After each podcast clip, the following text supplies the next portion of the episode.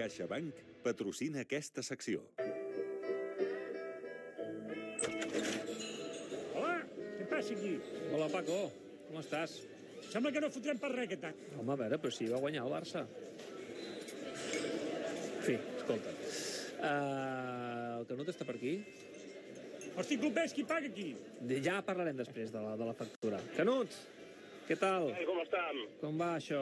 Com estàs? Digue-li digue després al Paco que li he portat una farigoleta d'aquí de l'Empordà, eh? Per, per les infusions, que li, li anirà perfecte. Canut, què diu en Koeman? Què diu en Koeman? Diu? en Koeman està content, home. Està, està tranquil i content. Sí? Escolta, sí, sí, sí. Eh, a veure, clar, és, és un gamper estrany, un gamper descafeinat, però, home, les sensacions van ser del tot dolentes. Clar, molta gent et dirà, eh, es van veure coses positives, altres, els que siguin més negatius i pessimistes, et diran, sí, home, però és que era l'Elx, 1-0 només. Home, diria que li va faltar pagada i al Barça, no? Perquè va Sí. crear moltes oportunitats de gol com per batre el porter que Badia, però només es va quedar amb un gol ranci de, de Griezmann i tot just començar el partit, amb la qual cosa s'aventurava que hi hauria golejada i la cosa va quedar només finalment amb l'1-0 per les moltes oportunitats i d'això se'n va queixar Koeman a l'acabar el partit que es van desaprofitar. Home, hi ha detalls que es veu que és un Barça diferent al de la temporada passada, sobretot pel que fa a la pressió alta de, de, de l'equip se'l veu en millor condició física. El Barça ara pressiona sobre la sortida de, de pilota de l'equip contrari, eh, intenta empotrar l'adversari en el seu propi terreny de joc i, i això sí que fa que sovintegi més el perill a l'àrea contrària. Mm. Escolta'm, el mercat està que bull, eh, amb el Barça. Ara preguntaré per Riqui Puig, però uh, notícia d'avui que explicàvem ara fa una estona, el Barça ja negocia amb el Wolverhampton per traspassar Se Semedo, um, i a més a més, uh, des d'Anglaterra apunten que podria ser uns 35 milions, que no estarien gens malament, uh, tenint en compte uh, que en època de pandèmia els clubs paguen poquets calés. Jo diria que en aquests moments l'objectiu del Barça seria reforçar l'eix central de la defensa, perquè només té tres centrals i en aquest sentit eh, tot aniria encaminat cap a tornar a recuperar a Eric Garcia, el jugador del City, i l'altre seria precisament el lateral dret, eh, amb la sortida de Semedo es buscaria un altre lateral que intenti donar-li un altre perfil a la defensa del, del, del, del, del Barça. I a partir, aleshores, si, si acabés sortint eh, Luis Suárez és quan s'atacaria eh, crec que el tema del davanter centre, no? que, que ahir es va trobar a faltar una medària, un caçagols, que aprofités aquelles pilotes que van quedar soltes a l'àrea de l'equip de l'Elx i que fa la sensació que és el que li falta en aquests moments a l'equip de Ronald Koeman. Que um, amb Ansu Fati no fem, no? Amb, amb, amb Ansu Fati jo crec que és quedar-se sol amb Ansu Fati o amb la possibilitat de jugar amb un nou fals com, com podria ser Griezmann, jo crec que no s'acabaria de fer del tot i aleshores, a més, Fati podria alternar a jugar com a home de banda com també de, de, de suposat davanter centre. Eh, és a dir, el Ronald vol un davanter, eh? Vindrà un davanter. Eh, si, si, si es sí, pot pagar. Sí, sí, sí. Es vindrà un davanter si surt el davanter que hi ha, que és en aquest cas eh, Luis Suárez, i només queda una setmana de mercat, i per exemple sembla que se li ha tancat la porta de la Juventus. No? A partir d'aquí no serà fàcil que pugui trobar aquí tenint en compte la seva altíssima fitxa, malgrat que el Barça estigui disposat a pagar la diferència entre el que cobrava o el que ha estat cobrant aquí al conjunt blaugrana i el que li pugui oferir, oferir l'equip de destí. Ah, El que passa que has d'estar molt desesperat per eh, pràcticament eh, haver de pagar, no?, perquè marxi. no serà ni la primera ni l'última vegada que el Barça pagui perquè marxa un jugador, no? Però, però la situació és aquesta, el que no està disposat a fer el Barça és a pagar-li com demana el jugador la fitxa sencera de, de l'any que li resta de contracte i si en canvi arribar a la xifra aquesta entre la diferència del que cobrava i el que li puguin oferir. Mm. Escolta'm, tema Riqui Puig, perquè mm, ahir saps que va ser a la prèvia del Gamper eh, la notícia més comentada. Eh, el fet que el, que el Ronald li digués al Riqui que, que s'ha de buscar la vida. I, I ell després del partit ho va voler matisar perquè suposo que va veure com els lleons se li llançaven al damunt. Deia, eh, no és que jo no compti amb Riqui Puig, sinó que és que no té lloc i ha de tenir minuts fora del Barça. El que passa que, clar, eh, jo, i és la meva opinió, eh, crec que la culpa no és de Koeman, sinó d'aquells que van eh, planificar aquesta plantilla i van eh, fitxar tants jugadors de mig camp en endavant que ara els joves no tenen lloc i han de marxar.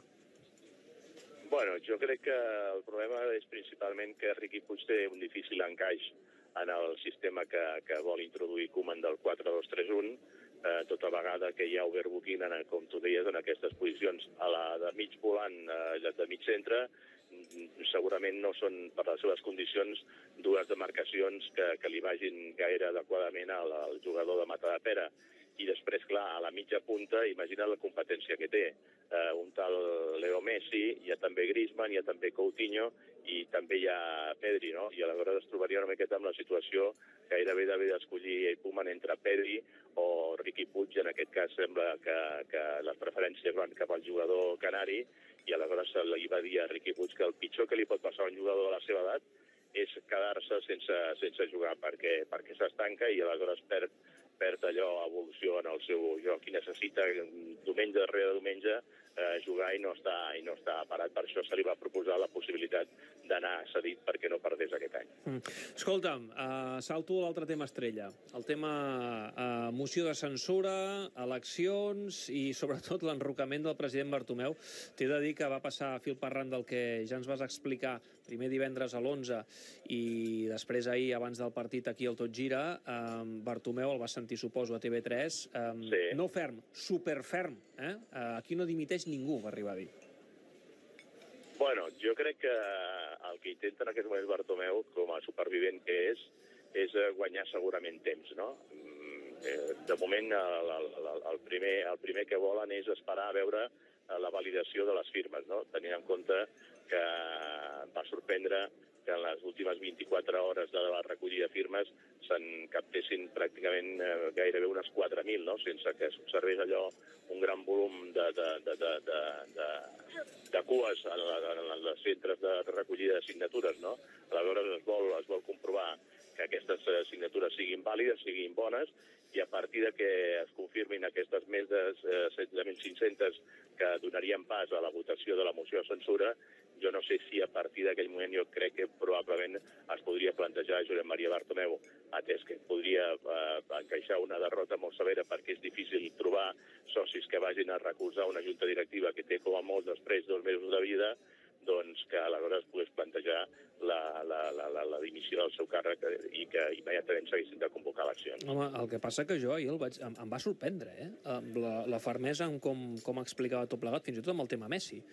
Um, jo a vegades... Bueno, amb el tema, amb el tema, amb el tema Messi no, hi- no, hi, va, no hi va entrar, David. Va, va passar No, no, per això et dic, la fermesa vull dir que eh, eh, eh, la capacitat que fer, jo sempre em, em recordo una mica la manera de fer de Mariano Rajoy, no? De, de no moure's Sí. gaire, eh, de dir molt però no Bueno, dir res, perquè- i, anar, i, anar, i, perquè- i anar passant dies.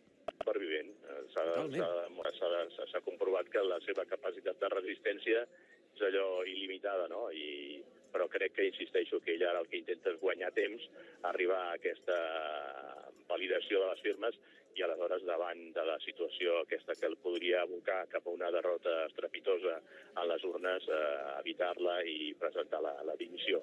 Tot i que ell assegura que per una qüestió de responsabilitat no vol fer-ho perquè no vol que hi hagi un buit institucional en la gestió del club. Bé, en fi, eh, escolta, me'n vaig cap a dalt, que he de parlar amb el Garriga i amb l'Orfeo, que avui, avui s'estrena el Madrid a Noeta. Què n'esperes del Madrid? Del Madrid de- de- de- d'avui, home, són, són jornades de tanteig aquestes eh, i no crec que, que veiem la millor versió del Real Madrid, que de fet pràcticament no s'ha reforçat eh, gens tret al cas de la, de la incorporació, de la incorporació d'Odegaard, eh, molt poques més, menys reforços ha incorporat el- el- l'equip de Florentino Pérez, no? Bé, veurem, veurem com va avui aquesta estrena Noeta, eh, que bé, ja sabeu que la Real no tindrà Odegaard, però tindrà Silva, que ja podrà debutar després de superar el coronavirus. Eh, Lluís, me'n vaig cap a dalt. Una abraçada forta, ens sentim la Vinga, setmana que que ve. Que vagi molt bé, adéu-siau, David. Adéu, Cuida't. tranquil, Paco. Adéu, Paco. Adéu, Canut. Pa- Adéu. Paco, pago jo, no pateixis. Vale. Vinga. Adéu, clubers. Vagi bé. Ens veurem, eh? Sí.